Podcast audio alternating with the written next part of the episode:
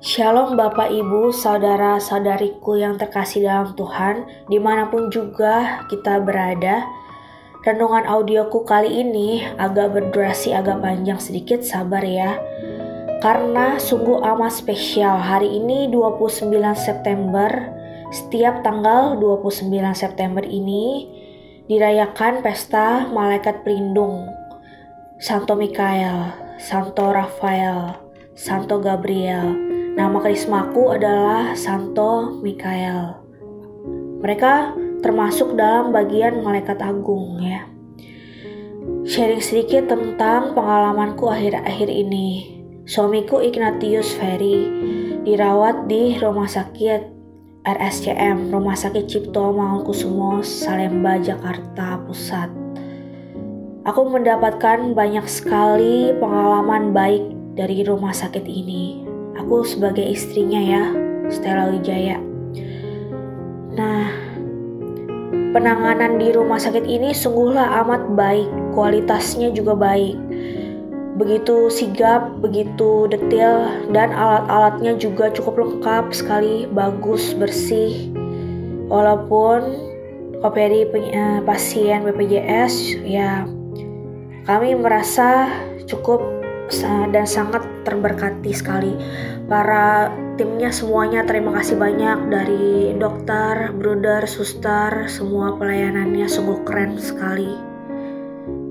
Waktu Koperi dirawat, kami berjumpa dengan seorang brother yang begitu baik sekali, tulus melayaninya, sigap, gesit, namanya brother Rahmat. Lalu Hmm, aku mempelajari banyak hal sekali di sini. Malaikat pelindungku, job desknya salah satunya Santo Mikael itu adalah dokter surgawi. Ya begitu aku memasuki IGD dan HCU dan area rumah sakit, aku juga seperti tidak merasa asing lagi ya. Aku seperti sudah terbiasa menghadapi suasana hektik dan hilir mudik tersebut.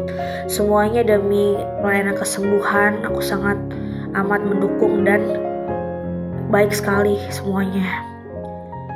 Aku bekerja sebagai guru les Mandarin.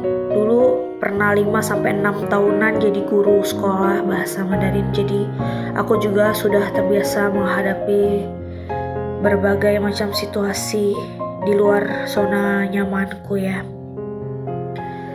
Lalu aku belajar banyak hal. Yang pertama dari dokter, brother, suster, para pasien, keluarga pasien yang ada semuanya berkumpul dalam satu area.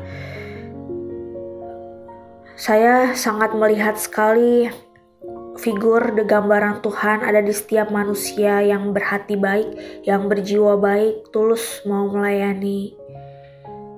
Dari gerakannya, bicaranya, semua juga sangat berbeda ya. Karena dilandasi oleh kasih yang tulus. Yang kedua, aku belajar untuk lebih memperhatikan kepentingan orang lain dan tidak egois lebih memiliki rasa belas kasih, aku teringat akan golden rule dari firman, kasihilah Tuhan Allahmu dengan segenap hatimu, dengan segenap jiwamu, dengan segenap kekuatanmu. Yang kedua, kasihilah sesamamu manusia seperti dirimu sendiri. Lalu, pada waktu senggang, pada waktu sedang tidak ada apa-apa, aku sering beberapa kali datang ke taman. Taman yang ada patung eh, pahlawan Pacipto Mangunkusumo. Di sana banyak sekali jenis tanaman yang ditata begitu baik, bagus sekali. Ada banyak jenis pohon, pohonnya dinama-namain gitu. Udaranya begitu segar. Di samping tamannya itu ada bangku beberapa, aku suka duduk. Aku menyempatkan diri untuk datang ke depan patungnya di samping pinggir taman, aku berdoa. Doanya seperti ini. Bapak Lawan, Pak Cipto, Mangunkusumo, terima kasih banyak atas banyak pengalaman baik yang kudapatkan dan kupelajari selama merawat suamiku di sini. Aku begitu terharu dan merasa tersentuh dengan kebaikan para dokter yang pinter, keren banget. Ilmunya kualitasnya begitu baik ya walaupun banyak dokter yang masih muda. Tapi kualitasnya jangan diragukan lagi dalam melayani bidang kesehatan ya.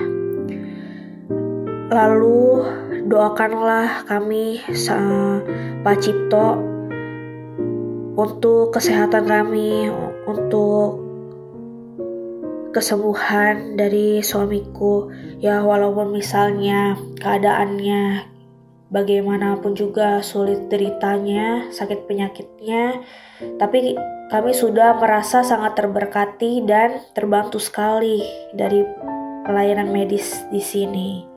Terima kasih banyak Pak Cipto dan malaikat pelindung rumah sakit ini untuk selalu menjaga dan mendoakan kami. Amin. Begitu doaku. Jadi aku berasa sekali dengan sakit penyakit yang suamiku alami bukan hanya orang yang sakit dimurnikan namun keluarga yang menjaga juga dimurnikan jiwanya menjadi manusia yang lebih baik lagi. Pada waktu aku fotokopi ada suatu pengalaman. Pengalaman yang sederhana namun aku bisa ceritakan di sini sebelum aku fotokopi BPJS dan KTP dan kakak ya. Ada seorang bapak yang ketinggalan surat penting itu seperti kakak atau apa itu aku nggak terlalu jelas. Aku pokoknya surat aslinya ketinggalan. Aku pun begitu mengetahuinya langsung mengejar bapak tersebut. Akhirnya untuk keburu aku menyerahkan nih surat aslinya tersebut. Bapaknya itu begitu senang sekali dan mengucapkan terima kasih terus menerus. Makasih ya Bu, makasih ya Bu. Aku hanya uh, mengangkat tangan gitu dan aku bilang hati-hati ya Pak, biar teliti lagi, sehat-sehat terus yang Pak. Jadi istilahnya rasa terima kasih terhadapku ya itu uh, tidak usah diucapkan juga tidak apa-apa ya.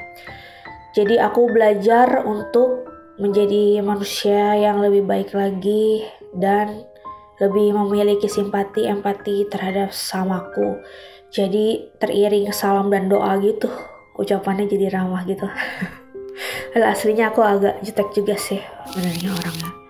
Terima kasih banyak untuk semuanya atas waktu dan perhatiannya. Terima kasih banyak malaikat pelindungku, Santo Mikael, sang dokter surgawi, panglima pasukan surgawi, pembela umat Allah, pelindung gereja, pembela orang-orang yang hampir meninggal, dan sebagainya. Amin.